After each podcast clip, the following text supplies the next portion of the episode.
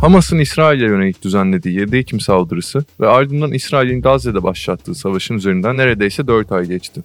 Gazze'deki yıkım ve insanlık dışı durum bu süre zarfında neredeyse kesintisiz devam ederken savaşın etkileri yayılmaya başladı. Son 4 ayda bölgedeki gerilim ve akabinde geleceğe dair kaygılar giderek artıyor. İsrail ordusu Gazze'de ilerlemeye devam ederken İsrail'in Irak ve Suriye gibi ülkelerde İranlı üst düzey askeri yetkililere saldırılar düzenlemesi Gazze'de yaşananlara misilleme olarak Yemen'deki Husilerin Kızıldeniz'deki gemilere yaptıkları saldırılar ile Suez kanalı üzerinde blokaj uygulamaları savaşın önemli etkileri olarak göze çarpıyor ve önümüzdeki dönemi şekillendirecek gibi gözüküyor.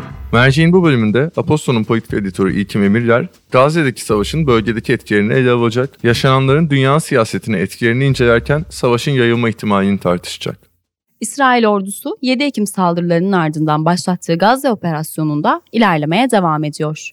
Dünya genelinde oluşan kamuoyu tepkisi Gazze'de yaşanan insanlık dışı durum ve Lahey'de İsrail'in Gazze'de yaptıklarının Güney Afrika'nın talebiyle soykırım olarak kabul edilmesi üzerine başlayan mahkemeye rağmen İsrail'in savaşa olan bağlılığı sürüyor ve hatta büyüyor diyebiliriz.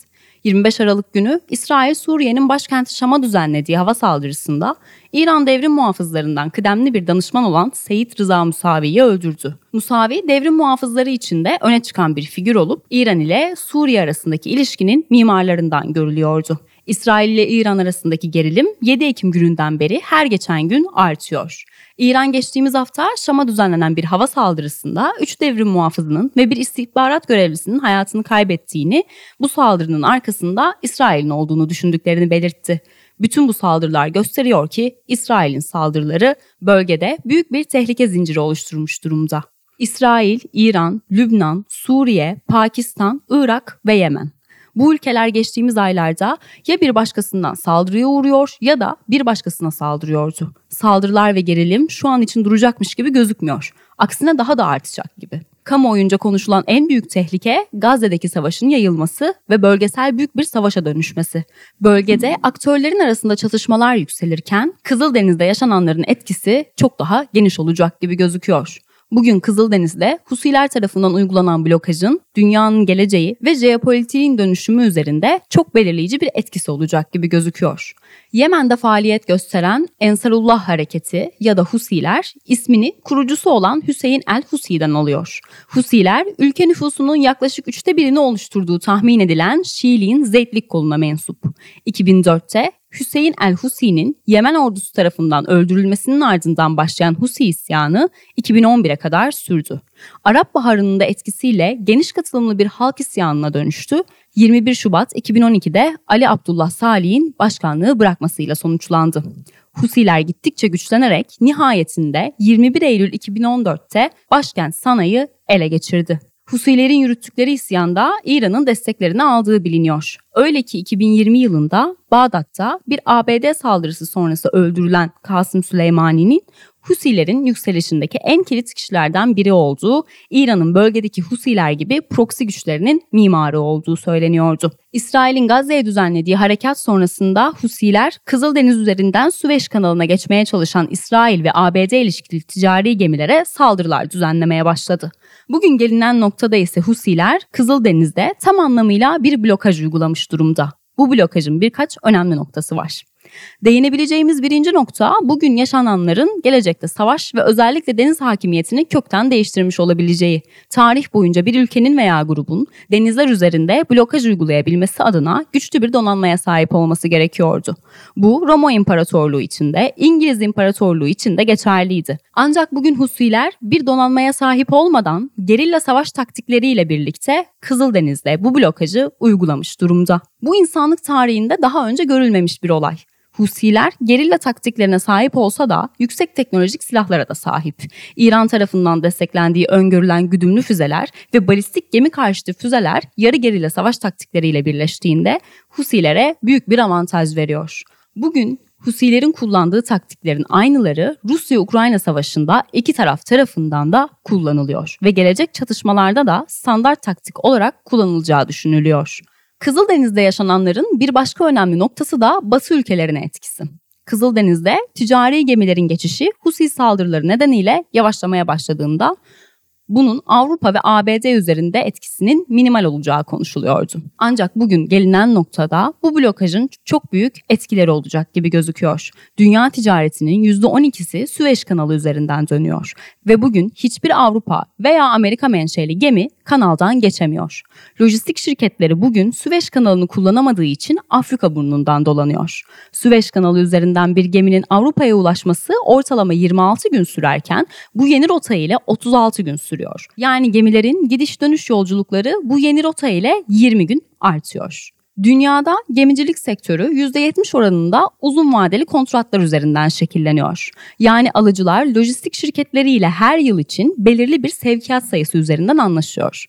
Asya'dan Avrupa'ya giden gemiler Süveyş kanalı üzerinden yıllık olarak yaklaşık 8-9 sevkiyat yapabiliyor. Afrika burnundan geçen yeni rotayla ise bu sayının 5 ila 6 olarak güncellenebileceği konuşuluyor. Bu hem Avrupa ülkeleri hem de ABD için oldukça kötü bir haber.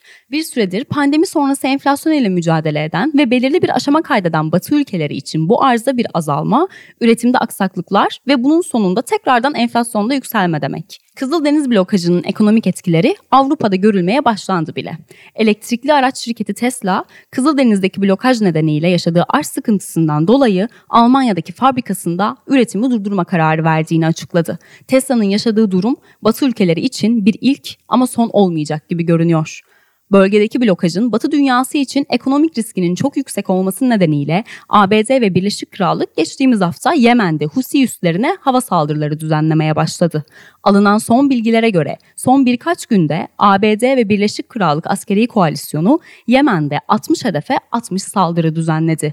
İki ülkede Süveyş kanalını tekrar ticari gemi trafiğini açma konusunda kararlı gözükse de saldırıların ne kadar başarılı olabileceği soru işareti. Husiler uzun yıllar Yemen'in kara komşusu Suudi Arabistan ile yoğun çatışmalar yaşadı. Bu çatışmalar sonucu Suudi ordusu hiçbir gelişme kaydedemedi ve Husiler ile masaya oturmaya karar verdi. Husilerin bu başarısının nedeni bölümün başında belirttiğimiz yarı gerilla hareketi askeri uzmanlar Yemen'e yapılacak hava saldırılarından sonuç alabilmenin çok uzun sürebileceği ve harekatın geniş zamanlı bir planlaması olsa da başarının kesin olmadığını tartışıyorlar. ABD ve Birleşik Krallık yöneticilerinden harekatın geleceğine dair gelen cevaplar kapsamlı bir planlama olmadığı yönünde. ABD Başkanı Biden harekatın şu an için istenen yönde gitmediğini ama başarının onların olacağını belirtirken Birleşik Krallık Başbakanı Rishi Sunak parlamentonun savunma komitesinde kendisine harekatın ne kadar süreceği sorulduğunda henüz kesin bir planlama yapılmadığını belirtti. Husilerin uyguladığı blokaj, Batı ülkelerini ve dünya ticaretini derinden etkilerken Çin ve Rusya menşeli gemilerin Süveyş kanalından sorunsuz geçebilmesi bölgedeki politik etkilerinde değiştiğini gösteriyor. Bugün görüyoruz ki ABD dünya denizlerinin tamamında söz sahibi bir güç olmaktan uzakta. Kızıldeniz'e kıyısı olan ülkeleri incelediğimizde bölgedeki Çin ve Rusya etkisinin de giderek güçlendiği görülüyor. Kızıldeniz'e kıyısı olan ülkelerden Mısır, Etiyopya ve Suudi Arabistan, Çin'in önderliğinde kurulan BRICS organizasyonunun üyesi olarak göze çarpıyor. Kızıldeniz'e kıyısı olan bir başka ülke olan Sudan'da ise bu yıl yaşanan askeri darbe sonrası bölgede önemli bir güç olan Fransa'ya karşı bir düşmanlık dalgası başladı. Öyle gözüküyor ki Batı dünyası geçmiş günahları İsrail'e karşı koşulsuz desteklerinin bedelini ödüyor ve yaşananlar uzun yıllardır içinde bulunduğumuz tek kutuplu dünya düzeninin artık sona erdiğini, dünyanın artık çok kutuplu bir yer olduğunu kanıtlıyor. Financial Times'ın bu hafta yaptığı haber de ABD'nin Kızıldeniz konusunda ne kadar çaresiz olduğunu gözler önüne seriyor. Financial Times'ın haberi Yemen'e yapılan hava harekatlarının başarısız olması ve diplomasinin sonuç getirmemesi sonrası ABD hükümeti yetkililerinin Çin hükümetinden blokajı kaldırma konusunda destek istediği yönünde. Habere göre ABD Ulusal Güvenlik Danışmanı Jake Sullivan, Çin Komünist Partisi Uluslararası İlişkiler Başkanı Li Chaochao ile yaptığı görüşmede bu konunun çözümüne dair konuştuğunu ve destek talep ettiğini belirtiyor. Çinli yetkililer geçtiğimiz hafta gerekli tarafların Kızıldeniz'de güvenli geçiş için beraber çalışılmasının önemli olduğuna dair açıklama yapsa da yaşananların Gazze'deki savaşın bir yan etkisi olduğunun altını çiziyor. Husiler de Batı menşeli gemilere uyguladıkları blokajın Gazze'de yaşanan soykırım ile bağlantılı olduğunu ve Gazze'de kalıcı bir ateşkes olmadığı sürece saldırıları durdurmayacaklarını belirtiyor.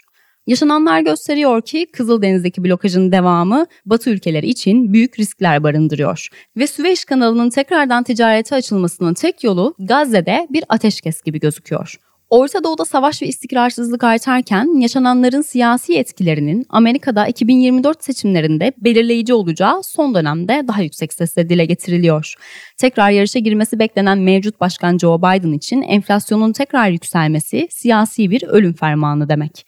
Ancak Amerika siyasetinin dinamikleri burada başka bir problem olarak göze çarpıyor. ABD siyasi tarihi gösteriyor ki güçlü lobiler seçimlerin kaderlerinde büyük bir faktör ve İsrail lobisi hem ABD'deki en güçlü lobiler arasında yer alıyor hem de kampanya fonlama konusunda büyük bir güç olarak öne çıkıyor. ABD Başkanı Biden bu sebeple gelecek seçimlere büyük bir çıkmaz içinde girecek gibi gözüküyor. Beklenen bir enflasyon probleminin önüne geçebilmek adına demokrat yönetiminin Gazze'de bir çözüm bulması gerekiyor. Ancak İsrail hükümeti özellikle İsrail Başbakanı Benjamin Netanyahu ABD siyasetinin dinamiklerini çok iyi bildiklerinden dolayı seçim döneminde elindeki lobi gücünü kendi lehlerinde kullanıyor. Geçtiğimiz günlerde ABD Başkanı Joe Biden ateşkes için çalıştıklarını ve İsrail ile Filistin arasındaki iki devletli bir çözümün gerektiğini vurguladı. Bu açıklamadan kısa süre sonra İsrail Başbakanı Netanyahu bu öneriye sert bir ifadeyle karşı çıktı ve Ürdün'ün batısında bağımsız bir Filistin devleti dahil İsrail'in mutlak kontrolünü engelleyecek her olasılığa karşı çıkılacağını belirtti.